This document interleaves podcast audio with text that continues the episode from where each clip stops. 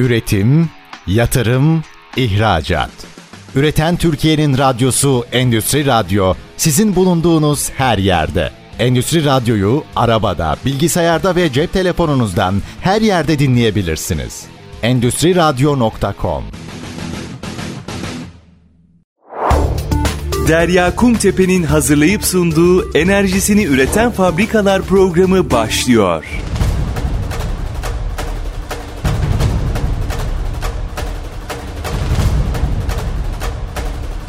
Enerjisini Üreten Fabrikalar programından herkese merhabalar. Ben Derya Kumtepe. Bugün programımda çok değerli bir konuğu ağırlıyorum. İnsos Enerji Genel Müdürü Alper Sezen bizlerle birlikte. Güneş enerjisi konuşacağız. Dünyadaki ve Türkiye'deki enerji yaşadığımız enerji krizi nedir? Bu enerji krizine nasıl çözümler bulabiliriz? Artan enerji maliyetlerini nasıl aşağıya çekebiliriz?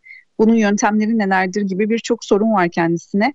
Hoş geldiniz Alper Bey. Teşekkür ederim. Hoş bulduk. Malum enerji sektörünün gündemi yoğun. Çok fazla konu başlığı var ama o konuları konuşmadan önce bir hem sizi tanımak istiyorum, dinleyicilerimize tanıtmak istiyorum. Hem de Insos Enerji'nin kuruluşundan geldiği noktadan bahsedebilir misiniz? Teşekkür ederim. Aslında yaşlandıkça söylemek istemiyorum ama 41 yaşındayım, Kütahyalıyım. Endüstri mühendisiyim. Enerji sektörüne ilgim, enerji sektörüne olan motivasyonum aslında mezun olduktan sonra hemen başladı. 17 senedir enerji sektörünün çeşitli alanlarında projelendirmeden yatırım aşamasına yapım tarafından enerji ticareti, hem ulusal hem uluslararası enerji ticareti, enerji satış pazarlama gibi alanlarda faaliyet gösteren şirketlerde çalıştım. Ta ki İNSOS'u 2016 yılında kurana dek. E, baktığınızda 2016 yılı tabii e, enerji sektörü için de önemli bir tarihti. Kısa bir zamanda olmamış aslında. Çünkü enerji sektöründe çok fazla şey değişti bu süre içerisinde. Doğru söylüyorsunuz. Siz bu gelişmeyi nasıl değerlendiriyorsunuz? 6 yıl önce sektör nasıldı, şu anda nasıl? Ben size daha geniş bir perspektiften şöyle söylemek istiyorum aslında. 1980'li yıllardan itibaren Türkiye'de ve dünyada özellikle Türkiye'de Türkiye Elektrik Kurumu adı altında tüm elektrik faaliyetlerinin tek çatı altında toplandığı, doğalgazın henüz ülkede yaygın olarak kullanılmadığı bir dünyadan şu an fosil yakıtları bile terk ettiğimiz yani temel elektrik dağıtım sisteminin de değiştiği, enerji üretim kaynaklarının da değiştiği hem dünyada hem Türkiye'de hem de transition diyorlar bir geçiş döneminin yaşandığı sürece denk geldik aslında. 80'li yıllardan başlayan özellikle elektrik enerjisi üzerinde durmak istiyorum. Yani şu an gündemde biliyorsunuz globalde de hem gaz fiyatları hem elektrik fiyatları hem bunların tedarik koşulları, lojistiği çok önemli bir yer alıyor. Hatta ülkelerin başkan seviyesinde gündemlerinde de enerji fiyatlarını aşağı çekmek üzere yapılacak yaptırımlar, işte kurallar, kaideler zincirleri konuşuluyor. Bu süreçte 2016 yılına kadar aslında Türkiye'deki gelişmeler özetle şöyle. Herkesin bildiği temel bir elektrik sistemi vardı. Ağırlıklı hidroelektrik kömür santrallerinden üretilirdi. TİH tarafından dağıtılırdı. Evlere, fabrikalara, iş yerlerine bu elektrik gelirdi. Ondan sonra 2011 yılı itibariyle aslında yeni enerji kaynaklarına hem mevzuat tarafında hem de dünyadaki teknik yapılabilirlik tarafındaki gelişmelere baktığınızda bir eğilim oldu. Türkiye'de de bu iş 2013 yılında hızlandı. 2013 yılında aslında 2007 yılında başladı. 2007 yılında biz rüzgar santral projeleri geliştirir. Bu projeleri realize etmeye çalışırdık. Onlarla ilgili 10 yıllık bir süreç içinde şu an toplamda Türkiye'de 20 bin megawata aşkın güneş ve rüzgar santrali kurulmuş oldu.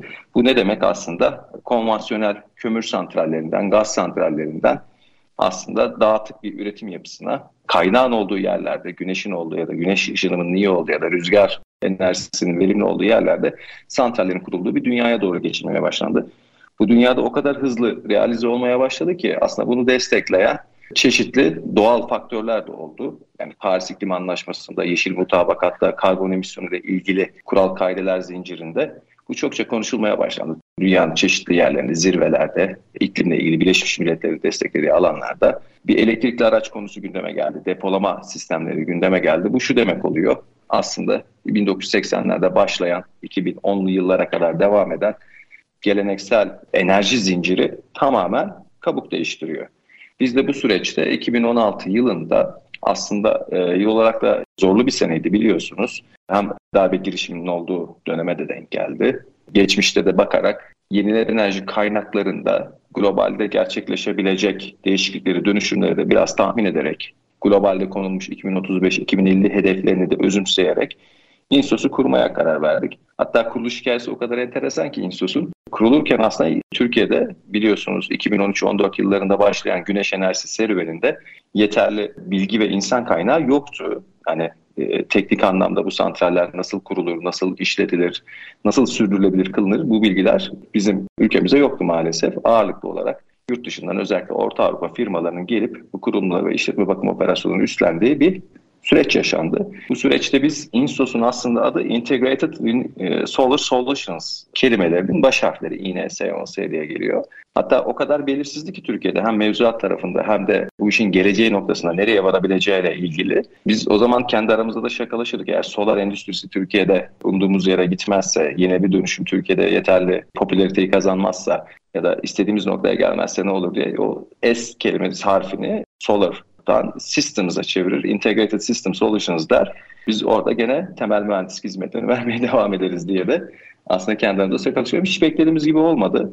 2016 yılı ve sonrasında biliyorsunuz Türkiye'de bir dönem yaşandı. 16, 17, 18 yıllarında Türkiye'de 8 gigawata yakın güneş enerji santrali kuruldu. Yani adet olarak da 8 binler civarında güneş enerji santrali kuruldu. Bu dönemde aslında Türkiye hem bu sistemi öğrendi, yeni enerji dönüşümüne bir adım atmış oldu. Devletin de burada biliyorsunuz önemli teşvikleri var. Belli bir döviz cinsinden alım garantisiyle beraber başladı bu işler. Bu süreç aslında bir şey oldu yani başlangıç noktası oldu. Start böyle verilmiş oldu. Ondan öncesinde zaten rüzgar endüstrisine daha aşinaydı ama ben hala üzülüyorum. Çok fazla rüzgar santrali var Türkiye'de ama hala anahtar testin bir rüzgar santralini A'dan Z'ye projelendirecek, alt mühendislik hizmetlerini, altyapı hizmetlerini ve üretim teknolojilerini ortaya koyacak seviyeye gelemedik. Ama güneşte bu çok daha hızlı ilerledi Türkiye'de. Şu an Avrupa'da, tüm Avrupa'dan bahsediyorum, ülkeler bazında en yüksek güneş enerjisi paneli üretim kapasitesi Türkiye'de. Her ne kadar bu kaynaksan ya da ingot seviyesinden üretim noktasında olmasa da şu an tedarik pozisyonu açısından Türkiye çok güçlü bir yere geldi ve daha da sevindirici bir şey. Mevcut olan 6 gigawatt civarındaki kapasiteyi ikiye katlama noktasında yatırımların birçoğu başladı, bir kısmı da bitmek üzere. Yani halihazırda Avrupa'da lider olduğu alanda kendi kapasitesini ikiye katlayan, işte coğrafi üstünlüklerini de kullanabileceği bir, e, bir pazar payına doğru gidiyor son zamanlardaki mevzuat değişiklikleri beraber de önü oldukça açılmış durumda. Belirttiğiniz gibi Türkiye gerçekten güneş paneli üretiminde çok ciddi bir güce ulaştı. Çok da kısa bir süre içerisinde oldu çünkü bundan birkaç yıl önce Türkiye'de zaten güneş paneli üretimi yapılır mı, yapılmalı mı? Devletin de tabii ki burada bir vergilendirme konusuyla ilgili bir teşviği vardı hatırlarsanız. Daha doğrusu evet devam ediyor. Evet, her sene yenileniyor. Aha, her sene yenileniyor. Bu hızlanmada bunun payı oldu mu sizce? Ne kadar oldu? Bir de hani e, şu anda da kapasite arttırmaya yönelik önemli yatırımlar da gerçekleştiriliyor ama bir taraftan güneş paneliyle ilgili teknolojiler de gelişiyor. Hazır panellerden bahsediyorken biraz hem verimlilik hem bu teknolojilerle ilgili de bilgi verelim dinleyicilere. Şimdi ben buna iki farklı şapkayla bakmak istiyorum. Bir yurttaş olarak, Türkiye Cumhuriyeti Devleti vatandaşı olarak bir de sektörün içinde bu güneş panellerini kendi sahalarında, inşa ettiği sahalarda, işlettiği sahalarda kullanan bir firmanın genel bir bak baktığımda iki farklı şey düşünüyorum ama yurttaş tarafı ağır basıyor açıkçası. E, şimdi ben serbest piyasa ekonomisine inanan, global pazarlara açılabilmeyi, oradaki e, koşullarla sert ya da yumuşak fark etmez rekabet edebilmeyi öngören bir piyasa yapısı arzuluyorum. Yani bu durumda da yani benim aslında kişisel bakış açımda dünyanın herhangi birinde herhangi bir anti-dumping, herhangi bir vergi, herhangi bir pazar e, girişini engelleyici mevzuat benim aslında kıtat olarak mantığıma oturmuyor. Ancak işte biraz stratejik baktığınız zaman, ulusal çıkarları gözettiğiniz zaman ki ben daha basan tarafı bu. Dünyada birçok ülke biliyorsunuz uzak doğu mallarına belli anti-dumping kuralları çerçevesinde vergi gücünü kullanarak e, bazı engellemeler uyguluyor. Bu Türkiye'de olması tabii bazı dezavantajları oldu. Yani kurulum fiyatlarında özellikle uzak doğu kaynaklı güneş panellerine erişememekten kaynaklı bir miktar finansal zorluk yaşandı ama dünyanın artık durduramayacağınız bu dönüşümünde bir yerinde bu teknolojiyi, bu üretim kapasitesini, bu farkındalığı ve bu bağımsızlığı yakalamak gerekiyordu. Dolayısıyla ben şu an güneş paneli firmalarından, Türkiye'de güneş paneli üreten firmaların bu anlamda anti-dumping kuralları çerçevesinde ya da yatırım teşvik belgeleri kapsamında sağlanan teşvikler çerçevesinde tercih edilme zorunluluğunu mantıklı görüyorum. Eğer bunlar olmasaydı biz şu an iç piyasada güneş paneli üretemez, bulamaz ve bunları inşa edemez pozisyonda olacaktık. Ee, özellikle uzak doğu ülkelerinden. Şimdi Türkiye e, bir Almanya pazarını, Avustralya pazarını, Orta Avrupa'da Amerika pazarını düşündüğünüz zaman e, birinci derecede iştahlandıran bir noktada değil. Kendi kaynaklarıyla bu çözümleri üretemezse çok uzun vadelerle, terminlerle ve belirsizliklerle karşı karşıya kalacaktı. Bu teşviğin tabii ki yerli panel üreticilerinin tarafında çok çok çok büyük bir desteği var.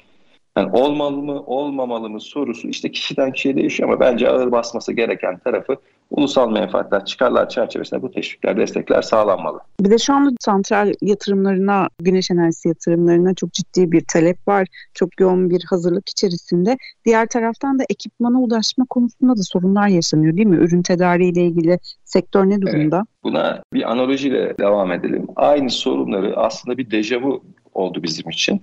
2016-2017 yıllarında özellikle yeni bir enerji kaynaklarına güneş enerjisi tarafında yoğun yatırım yapılan dönemde aslında ne oldu? Ya bu işin temel matematiği neydi? Yapım maliyetleri biliyorsunuz uluslararası kaynaklardan da takip ettiğiniz zaman sürekli aşağı yönde giden.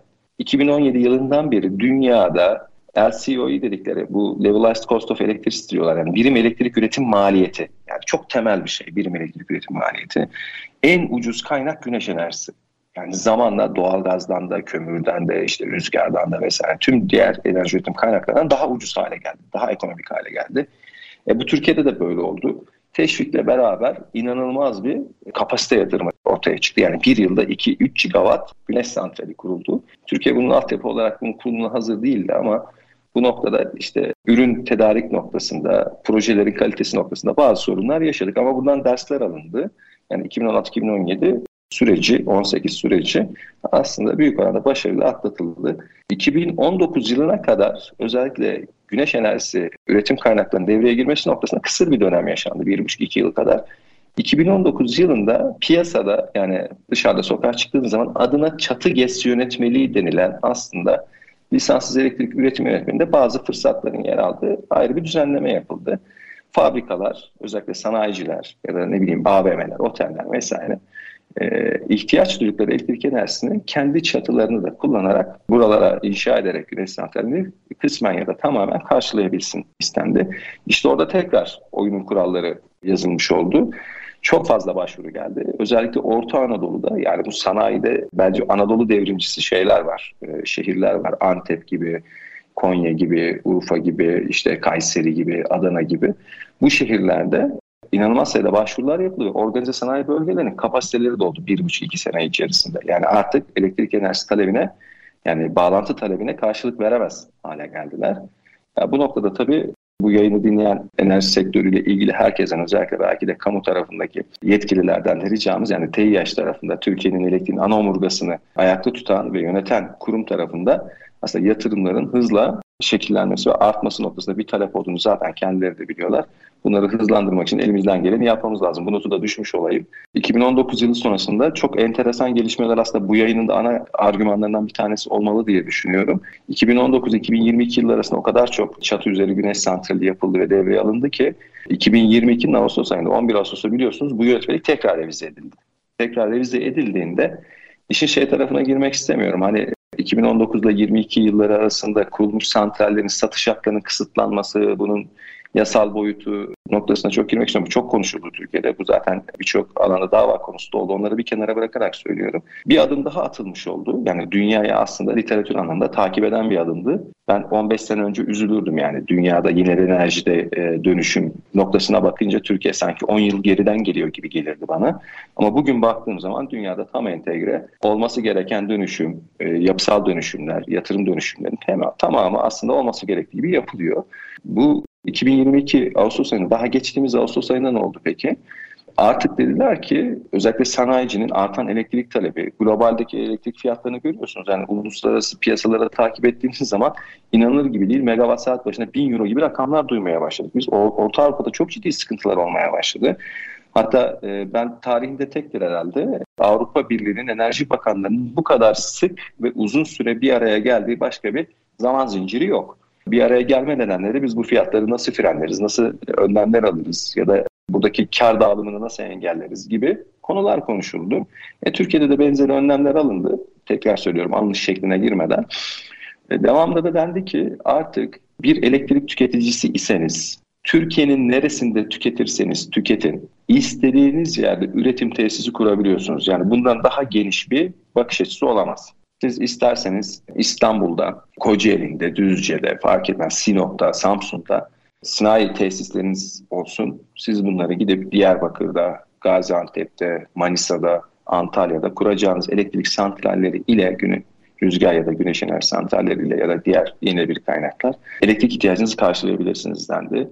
Bunu derken fabrikalarınızın ya da tüketim noktalarınızın aynı şehirlerde de lokasyonlarda olmasına da gerek yok artık. Türkiye'nin neresinde tüketiyorsanız tüketin. Bu tüketimlerinizi birleştirebilirsiniz tek bir tüketim gibi yani sanal olarak ve tek bir noktada üreterek hepsini karşılayabilirsiniz dendi. E, bu da yetmedi. Sizin tek ve çok büyük bir tüketim tesisiniz var. Milyonlarca kilowatt saat elektrik tüketiyorsunuz bunun elektrik ihtiyacını karşılamak için farklı yerlerde kuracağınız tesislerin üretimini de birleştirebilirsiniz dedi. Yani bu üç opsiyonu yan yana getirdiğiniz zaman aslında ve bu yatırımların geri dönüşleri o kadar hızlı oluyor ki artık ne bankalar ne sanayiciler bununla ilgili derin detaylı ekonomik analizler yapmıyorlar. Yapmama sebepleri de aslında e, şu an 4000 TL bölü megawatt saat civarında gezen serbest piyasa ortalama elektrik fiyatının maliyetiyle böyle bir yenilenebilir enerji tesisi kurmuş olmakla harcanacak paranın geri dönüşü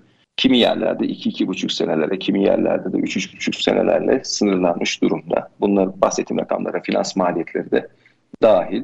Yani burada sadece benim kişisel olarak veya şirketimiz olarak da korktuğum, çekindiğim kısım tüm bunları yaparken, tüm bu acil ihtiyaçlara çözüm üretirken makro bakış açısından, planlama perspektifinden uzak kalmamak lazım.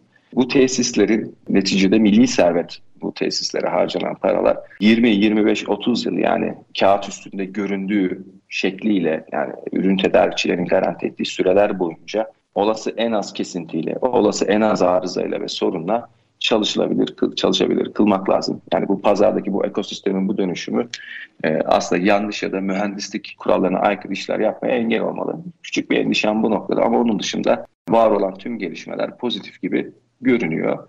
Yani bu kadar fırsatın olduğu bir yerde e, şu an bu dönüşümü sağlamak, orta uzun vadede gaz ya da e, ithal kömüre bağımlılığı olası en düşük seviyeye getirmek için bir fırsat gibi görünüyor. Eğer hatırlarsanız Derya Hanım, bundan Rusya-Ukrayna savaşından hemen önce dünyadaki ana gündem aslında şeydi. Karbon emisyonunu azaltmamız lazım. 2050 hedeflerinden çok uzağız. Bununla ilgili Glasgow'da, Paris'te, farklı şehirlerde birçok etkinlik düzenleniyor. Birleşmiş Milletleri liderliğinde karbon ekonomisi konuşuluyor. Bunlar gündemdeydi savaştan önce. Elektrik fiyatlarıyla ilgili bu krizler yaşanmadan önce. Ve ülkeler özellikle ekonomik bağımsızlığa sahip e, gelişmiş ülkeler inanılmaz kararlar alıyor. Elektrikli araç satışlarında sıfır vergi gibi, devasa nükleer santralleri, kömür santrallerini kapatmak gibi, yenilenebilir enerji yatırımlarına çok büyük teşvikler, destekler vermek gibi kararlar alıyorlardı. Son dönemde, son 9 ayda gördük ki aslında dünya o kadar bu anlamda ileri gitmiş değil, güçlü de değil. Yaşanan bu gaz krizi, savaş ya da post-Covid sonrası işte bu tedarik zincirindeki kırılmalar üçü bir araya geldiği zaman bu ülkeler başta Almanya, Fransa olmak üzere taahhütlerini yerine getiremesi oldu. Konvansiyonel kaynakları tekrar devreye almak zorunda kaldı. Ama gördü ki herkes gördü bunu. Yani dünyada artık bunun farkında olmayan hiç kimse yok. Bu dönüşümü tamam bu an e, son 1-2 yıllık bir kriz dönemi belki bir süre daha devam edecek aştıktan sonra bu kaynaklara olan eğilim çok daha yüksek bir oranda artacak gibi görünüyor yani 2050 yıl için koyulmuş hedefleri aslında hızlandırıcı. Yani Covid olmasaydı uzaktan çalışma konusu bu kadar yaygınlaşmayacaktı. 10 sene sonra geleceğimiz noktaya belki 2 senede geldik. Enerjideki o dönüşüm, o ana global dönüşümde de belki 2050 yılı hedeflerine bu gibi durumları yaşadıktan sonra, dünya bu dersleri çıkardıktan sonra belki 10 yıl önce varabilmiş olacak. Hem Türkiye'deki mevzuat bağlamında sağlanan gelişmeler, hatlar ve bu yatırımın ekonomik tarafı hem de globaldeki bu dönüşümün hızlandığı şu noktayı kısaca böyle özetlemiş olayım. çok güzel konulara değindiniz. Ben de çok bölmek istemedim sizi. Kısa bir araya gideceğiz. Döndüğümüz zaman başka sorularla ve başka konularla sohbetimize kaldığımız yerden devam edeceğiz. İnsus Enerji Genel Müdürü Alper Sezen'le. Üretim, yatırım, ihracat. Üreten Türkiye'nin radyosu Endüstri Radyo sizin bulunduğunuz her yerde. Endüstri Radyo'yu arabada, bilgisayarda ve cep telefonunuzdan her yerde dinleyebilirsiniz. Endüstri Radyo.com Enerjisini üreten fabrikalar programında İnsos Enerji Genel Müdürü Alper Sezen'le sohbetimize kaldığımız yerden devam ediyoruz. Şimdi programın ilk bölümünde gerçekten çok uzun bir dönemi güzel başlıklarla özetledi Alper Bey. İkinci bölümde de birazcık daha böyle proje ağırlıklı gidelim. Çünkü şu anda artan enerji maliyetlerinden dolayı sanayinin gerçekten kendi enerjisini üretmeye ihtiyacı var. Enerji maliyetlerini aşağıya düşürmeye ihtiyacı var. Hem rekabet dönemi çıkabilmek için hem karbon emisyonlarını düşürebilmek için. Siz sahada nasıl görüşmeler gerçekleştiriyorsunuz? Çok önemli referanslarınız var, güzel projeleri hayata geçirdiniz. Yeni dönemle ilgili evet. hedefleriniz nedir bu konuda? Biraz önce de bahsetmiştik yani 2016 yılında doğmuş bir bakış açısıyla genç bir şirket Insos yani 6 yaşında ama yenilenebilir enerji dünyasındaki gelişmelere bakarsanız zaten Türkiye'de 10-12 yıllık bir serüveni olan güneş enerji santrallerinde de orta yaşlı bir şirket sayılır. Hani girdiği alan ya da faaliyet gösterdiği alan itibariyle. Bu son bir seneyi gerçekten daha önce yaşamadığımız bir sene olarak kabul ediyorum. Biz 2016-17 yıllarında ağırlıklı kendi grubumuz, grup şirketlerimize ait santrallerin projelendirilmesi, devreye alınması ve işletilmesi noktasında faaliyetler gösterirken bizim en çok önemsediğimiz şey özellikle bizim gibi proje bazlı firmalarda insan kaynağı. Konya merkezli bir firmayız ama Türkiye'nin çeşitli yerlerinden hatta yurt dışından ekibimizde çalışma arkadaşlarımız var. Birkaç dil aynı anda akıcı konuşulabilen bir şirket haline geldi son dönemde. Teknik üniversite ağırlıklı bir mühendislik kadromuz var bu kadroyla neler yapabiliriz diye düşündüğümüzde aslında mühendisliğe o kadar çok odaklanmışız ki biz sahayı unutarak. Biz en son katıldığımız bir fuarda karbon emisyonunu önemsediğimizi gerçekten gösterebilmek adına fuara canlı olarak katılmadık. Dev bir ekran kurduk oraya. Şirket merkezinden canlı bağlantılarla aslında seslenmek istedik insanlara. Tamamen orada kurduğumuz, kullandığımız ürün ekipmanla beraber sağladığımız karbon salınımındaki azalma oranı %85 oldu ve kalan %15'lik kısmını da bedelini ödeyerek bir offsetledik. Yani karbon emisyonu yaymadan artık biz bu tip girişimlere karşıyız. E, olabildiğince e, dünyaya fayda olacak işler yapmak istiyoruz. Temel mottomuz bu. Yani zaten e, bizim logolarımızın altında da şey yazar. Renewable for Future yazar. Bu işi gelecek için yapmıyorsan, bundan tatmin olmuyorsan amaç sadece para kazanmakta birçok kaynak var zaten. Bunu kazanmak aklı başına insanlar için çok zor değil. Insos olarak ne yaptık? Özellikle son bir yılda o kadar çok ıı, sanayiciyle bir araya gelme, o kadar çok sanayicinin gerçek ihtiyacını ve sorunlarını dinleme şansımız oldu ki ilk sorunuzdan gireceğim. Elektrik fiyatlarının bu kadar yüksek olabileceğini önceden öngördük. Biz bunu öngörebildik. Bunu öngörebildiğimiz yerde de aslında bazı olumsuz tepkilerle karşılaştık. Hatta biz burada kesinlikle kötü niyetli değildik. Hatırlarsanız 2021 yılının sonunda 50 kuruşlar seviyesinde, 57-58 kuruşlar seviyesinde idi 1 kilowatt saat elektriğin satış fiyatı. Ondan öncesinde 35-40 kuruşlar idi. Gün öncesi piyasasında e, işlem hacmi e, yüksekti, rahattı, e, bir sorun yoktu. Biz bununla ilgili alınması gereken önlemleri kur cinsinden, emtianın ya da ne ham madde maliyetleri cinsinden bunları değerlendirip artan ihtiyaç perspektifinde de bir temel matematiksel analiz yaptığımızda bunu aslında görüyor idik. Bununla ilgili biz ağırlıklı sanayicilerimiz olmak üzere belli uyarılarda bulunduk. Bunlardan bazıları ya bu bir felaket senaryosu, bu işte kabul edilebilir rakamlar değil, biz bu elektrik fiyatlarının altından kalkamayız gibi geri dönüşlerde bulundular. Aslında başa gelmeyince de bazı noktalarda şey olmadı. Yani itibar görmedi o fikirler. O bir riskli bir ihtimaldi. Tabii ki hiçbirimiz bu savaş ekonomisini öngörmedik. Ama geldiğimiz noktada 4 liralar civarında elektrik fiyatının oluşması yani 50 kuruşlardan 0.5 liralardan 8 katına çıktığı bir formasyona fiyat matematiğine gelindiğinde birçok sektörde biz şunu görüyoruz. Çalıştığında yani tam kapasiteye çıktığında yani ölçek ekonomisiyle beraber kazanacağı getiriyi kazanamaz hale geldiği için kapasitede küçülmeye giden, iş gücü maliyetlerini azaltmaya çalışan, her noktada tasarruf ederek özellikle de uluslararası piyasada ihracatçılar için söylüyorum rekabetçi olmaya çalışan bir yapı gördük. Bu sanayicilerin tek derdi bu arada elektrik enerjisi değil. Elektrik enerjisinin yanında ürün tedarik maliyetleri, bunlardaki volatiliteler, araya giren lojistik zincirindeki süre uzamaları, işletme sermayelerinde artan ihtiyaçlar e, burada bir çözüm üretmeye aslında ki dışarıdan baktığımız zaman bizim konumuz belki enerji, şu an güncel piyasalar, güncel enerji maliyetleri olabilir ama sadece enerji maliyetleri değil birçok alanda aslında sorunlarına çare arayan yenilikçi çözümler üretmeye çalışıyor. Benim gördüğüm tespitim bu. Biz bu son dönemde projeleri hatırlarsınız 2016, 17, 18 yıllarında 0.5 ila 1 megawatt arasında kurulu güçlerle yapılıyordu bu santraller. Güneş enerji santralleri mevzuat o kadarına izin veriyordu. Bir anda bizim iş yapış şeklimiz değişti. Şu an 6, 8, 10, 20, 25 megawatt kapasiteli tesisler hem arazide hem çatıda tasarlıyor ve inşa ediyoruz. Bazı projelerde e, bizim aslında imza projelerimiz olsun istedik. Özellikle biliyorsunuz projesi 60 bin metrekare bir çatıda dijital twinleri de oluşturulmuş şekilde dört bağımsız trafo üzerinde dört ayrı santrali tek çatı altında birleştirip normalde tek bir izleme sistemi, tek bir SCADA sistemiyle mevzuat çerçevesinde yönetilebilecekken dört ayrı SCADA sistemi kurup bağımsız çalıştırabildiğimiz, ihtiyaca göre limitleyebildiğimiz, dinamik çalışma formasyonlarının üzerine koyabildiğimiz tesisler inşa etmeye başladık. Hemen arkasından yine ISO 100 şirketlerinden diyebilirim. Birçok alanda yüzde ve 500'de de otomotivle büyük bir çatı anlaşması yaptık. Orada ihtiyaç o kadar yüksek ki biz parça parça yasal izinlerini tamamladıkça başladığımız ilk 8.9 megawattını devreye aldığımız şu anda diğer ihtiyaçları için projelerine devam ettiğimiz toplamda da belki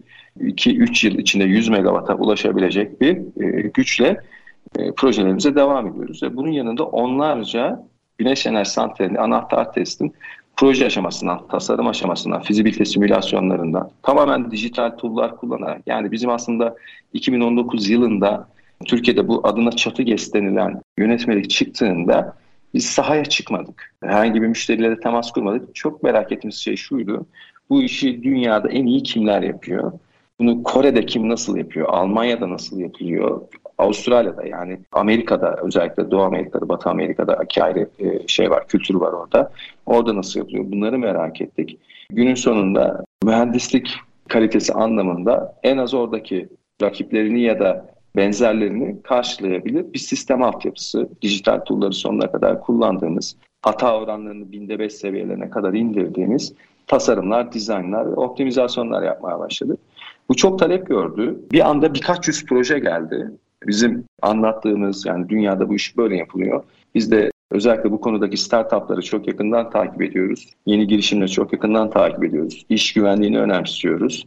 Hatta en çok önemsediğimiz konu da diyebilirim.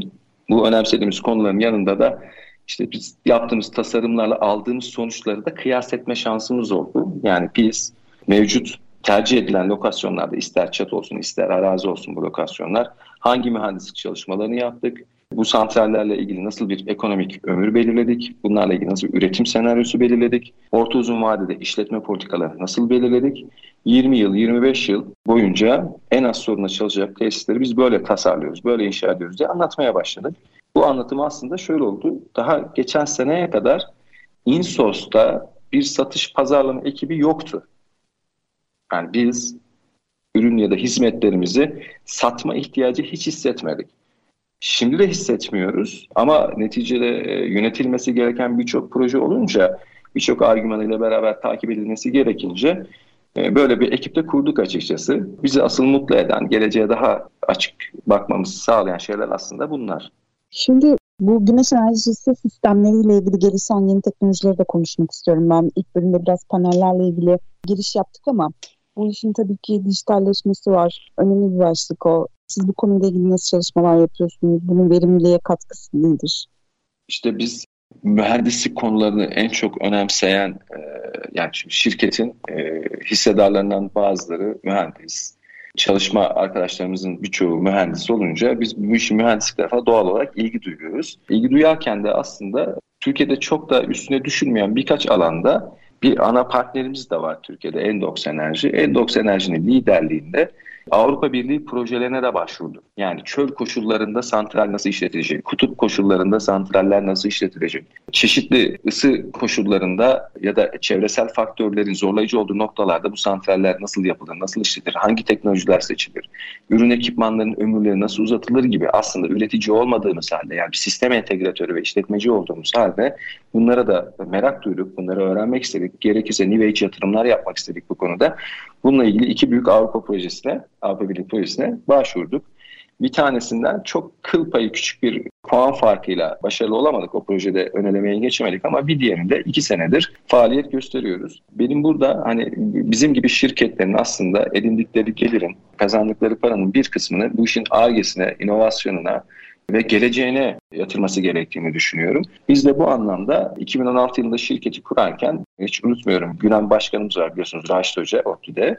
ODTÜ Fizik'in çatısında kendi imkanlarıyla o zaman çok beğenmiştim yani takdire şayandır. 2016 yılında farklı güneş panellerini, farklı invertörleri firmalardan işte talep ederek belki bunun için ricacı olarak alıp sistemler kurmuşlar ve bunları karşılaştırıyorlardı.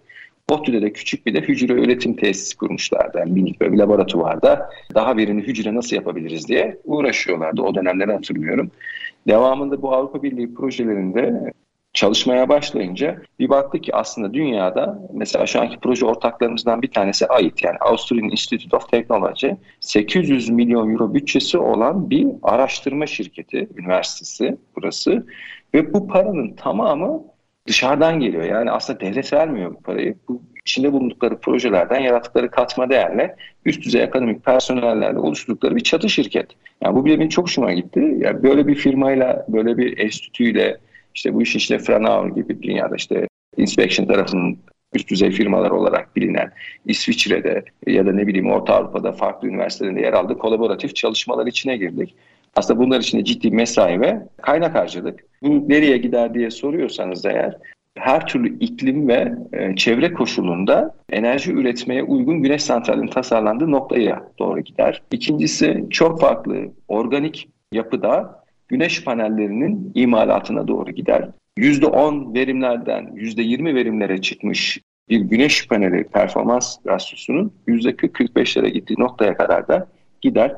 Yani bugün aslında kaynağından atmosfere, atmosferden yeryüzüne zaten birçok kayıpla gelen güneş santralleri de elektrik üretiyorsunuz. Çok ciddi bir kayıp var. E, ekipmanda bir kayıp var. Günün sonunda da %20 performansla üretim yapıyorsunuz.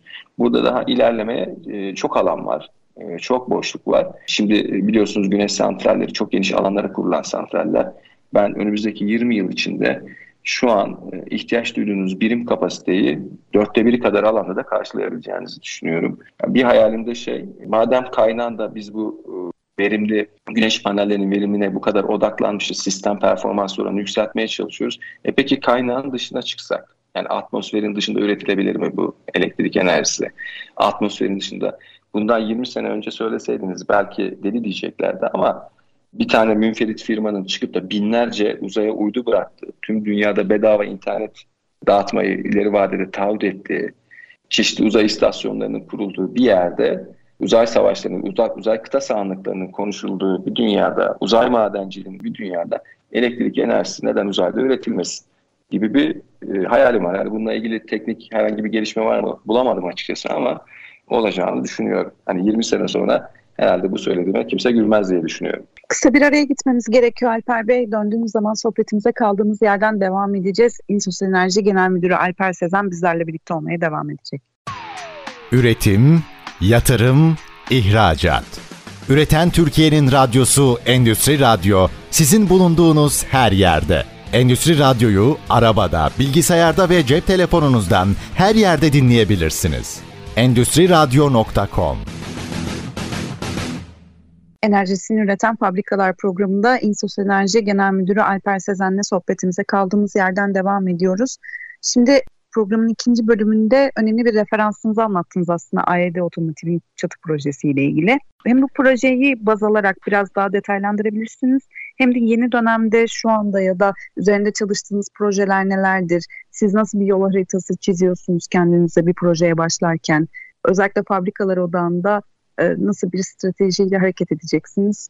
AYD Otomotiv aslında kapasitesi itibariyle sürekli büyüyen, bildiğim kadarıyla da Türkiye'de alanında lider otomotiv yedek parça üreticisi. Dünyanın birçok ülkesinde ihracatı olan ve dünyada en royal otomotiv markalarıyla çalışan bir firma. Bu firmanın bakış açısı perspektifi de çok yenilikçi ve ileri vadeli olunca aslında biz önce müşterimizle doğru stratejide birleşiyor muyuz? Orada mutabık kalmaya çalışıyoruz. Dediğim gibi yani bir güneş santralinin ya da bir yeni enerji kaynağının bir sisteme entegre edilmesi gerçekten gerekli mi? O tesis böyle bir projeye uygun mu? Biz buradan başlıyoruz. Yani her proje bizim açımızdan yapılabilir değil.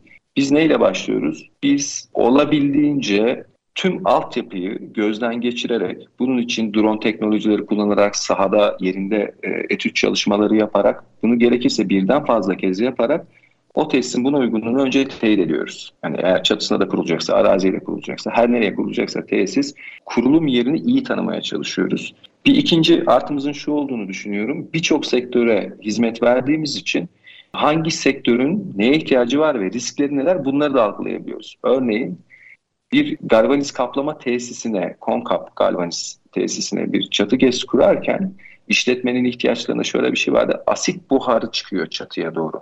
Asit buharının geldiği yerde verimli bir işletmecilik yapamazsınız. Panellerinizi ya da kablolarınızı koruyamazsınız. O bölgeleri boş bırakmanız lazım.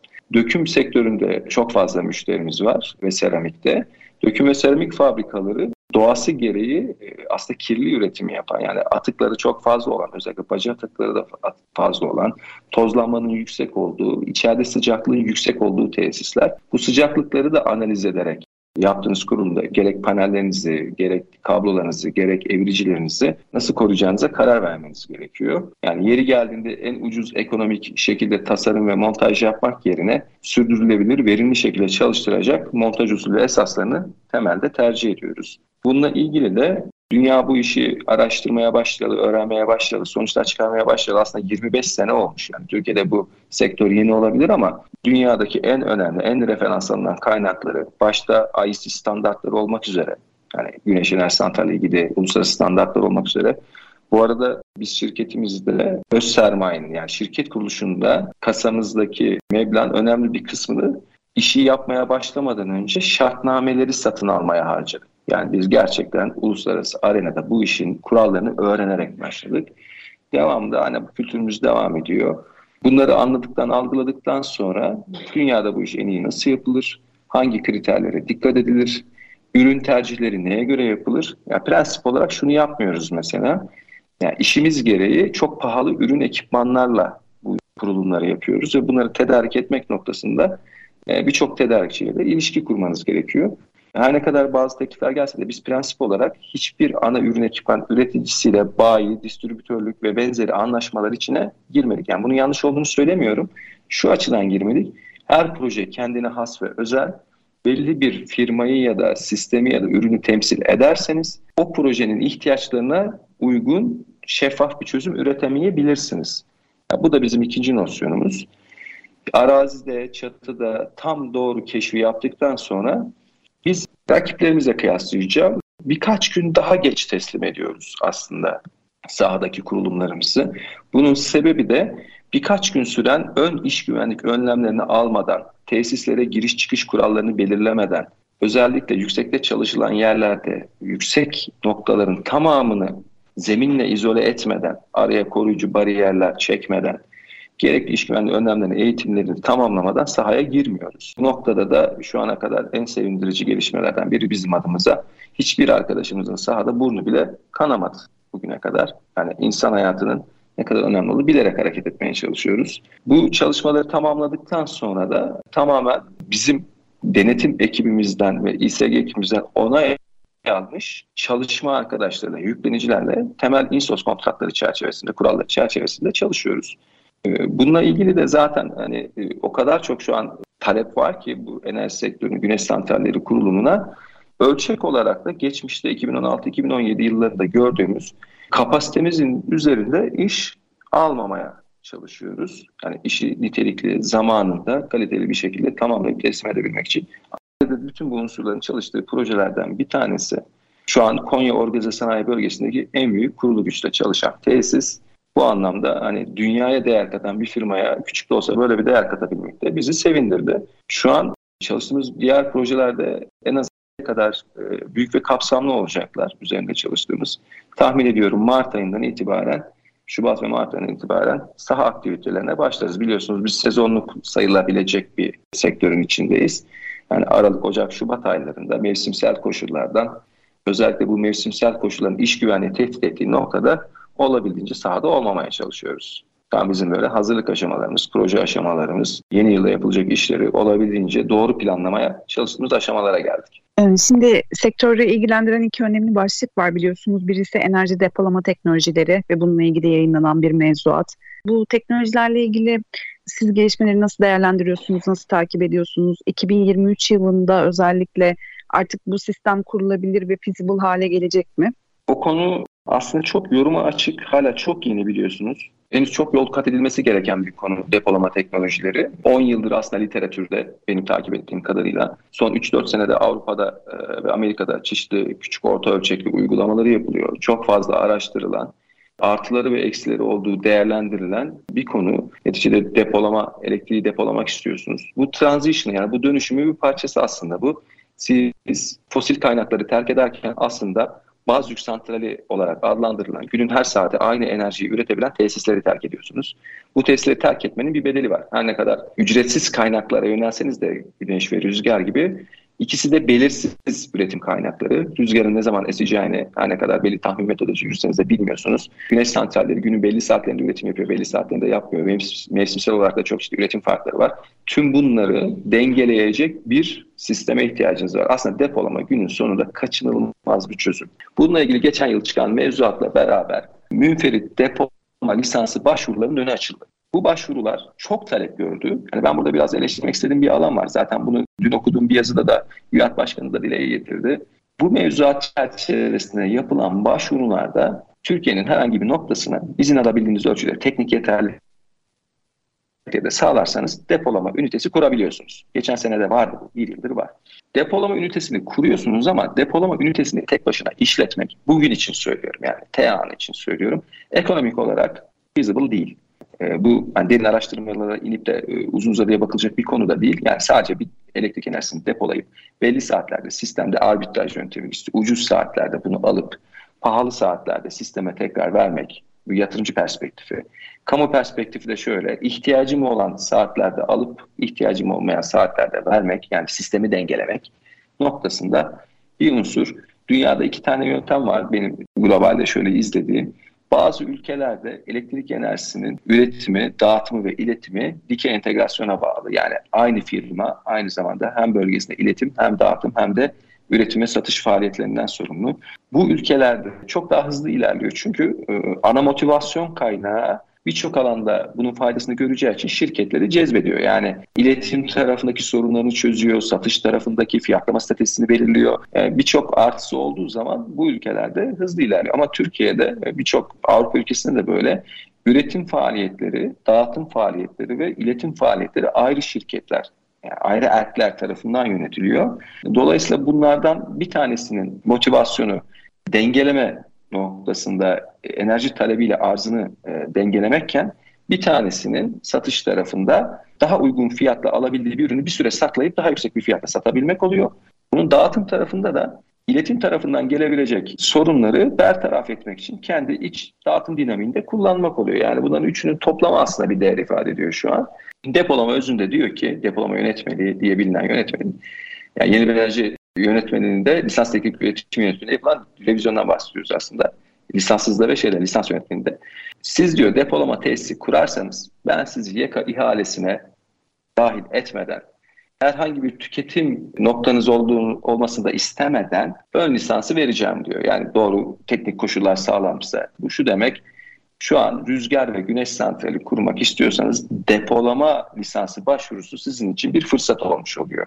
Sadece benim burada yapmak istediğim yorum şu. Sayın EPDK Başkanımız da açıkladı. Mevzuat yayınlamadan birkaç gün önce ana argümanları söyledi zaten. Burada çok tekniğine girmek istemiyorum. İşte hangi kapasite kurarsan ne kadar depolama yapabiliyorsun, depolama kadar güneş santrali kurma hakkım var, işte lisanssız elektrik üretim tesislerine kurma hakkım var gibi detaylara girmeden şunu söylemek istiyorum.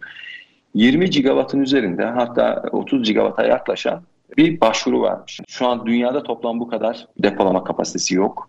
Bu tamam başvuru noktasında yatırımcının ilgisini çektiğini, ileri vadede bir beklenti oluştuğunu göstermesi açısından bu metrikler cinsinden önemli ve aslında güzel görünüyor. Ama realize edilmesi çok mümkün olmayan, realize edileceği noktada kuralların yavaş yavaş, bugün e, aslında sabah bir e, haber daha gördüm, henüz okuyamadım. E, inşallah bu e, seriden sonra okuyacağım. Bununla ilgili teknik ve ekonomik argümanların ortaya konması gerekiyor. Çok yeni, çok fazla başvuru var. Nasıl eğlenecek? Hangi sırayla verilecek gibi e, şeyler var. Yani ama depolamanın özüne dönersek bu kaçınılmaz bir ihtiyaç. Artık elektrik üreten kaynakların düzenlenmesi için bir argümana ihtiyaç var. O da depolama. Yani özetle böyle söyleyebiliriz. Çok teşekkür ederim Alper Bey. Programın sonuna geldik. Böyle yeni dönem hedeflerinizden vermek istediğiniz son mesajlardan kısaca bir iki cümle alalım vedaya gidelim. son olarak şunu söyleyeyim. Ben İnsos'u kurmadan önce çok fazla sanayici ve iş adamı gelirdi. Enerji sektörüne girelim mi, yatırım yapalım mı diye sorardı. Ben de o zaman güneş santrali kurun derdim. Hani güneş santrali kurmanın temel dinamiklerini ve işletme politikalarını bilmeden henüz bunları söylerdim. Neden diye sordukları zaman özellikle böyle inanç sistematiği çerçevesinde onları ikna edebilmek için de hani dünyada temiz enerjiye, yenilenebilir enerjiye ihtiyaç var. Bu böyle devam edemez. İklim, karbon vesaire konuları hiç dile getirmeden amel defteriniz kapanmaz. Siz bu santralleri kurun derdim. Böyle çeşme yaptırmak gibi, okul yaptırmak gibi bir şeydir bu diye söylerdim. Bugün de aynı fikrim devam ediyor. Bizim ileri vadeli stratejilerimiz de e, şirket olarak zaten e, çok doğru ve niş bir alanda yer aldığımızı biliyoruz. Ama burada olabildiğince e, kaliteli, katma değerli ürün ve hizmetler sunmak istiyoruz. Önümüzdeki birkaç sene ağırlıklı olarak arazilerde güneş santrali kurumuyla geçecek gibi görünüyor. Yani bu noktada artık bir fizibilite yapmaya, bir bütçe oluşturmaya, yani şirket tarafını bırakmış durumdayız açıkçası. Yani bu alanda bu ihtiyaç devam ettiği sürece bizim aslında burada finansal ya da çözüme ihtiyacımız kalmıyor.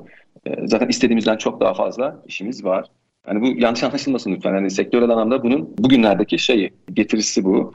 Ama gönül istiyor ki Insos ya da başka bir firma hiç fark etmez. Bu dönüşüme sadece finansal gerçekler bazında bakılmasın. Hiçbir yatırımcımız, hiçbir sanayicimiz bu şekilde bakmasın. Aslında şu an farkında olmadıkları, yaşadıkları sorunlara acil çözüm üretmeye amaçlı yaptıkları şey aslında şey de var yani insani bir tarafı da var bu çözüm. Çocuklarının temiz hava soluma hakkını koruyorlar. Benim çocuklarımın da temiz hava soluma hakkını koruyorlar.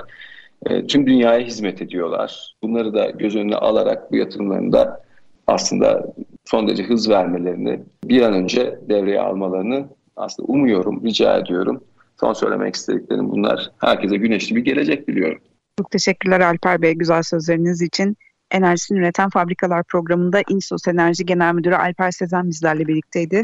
Bir sonraki programda görüşene dek hoşçakalın.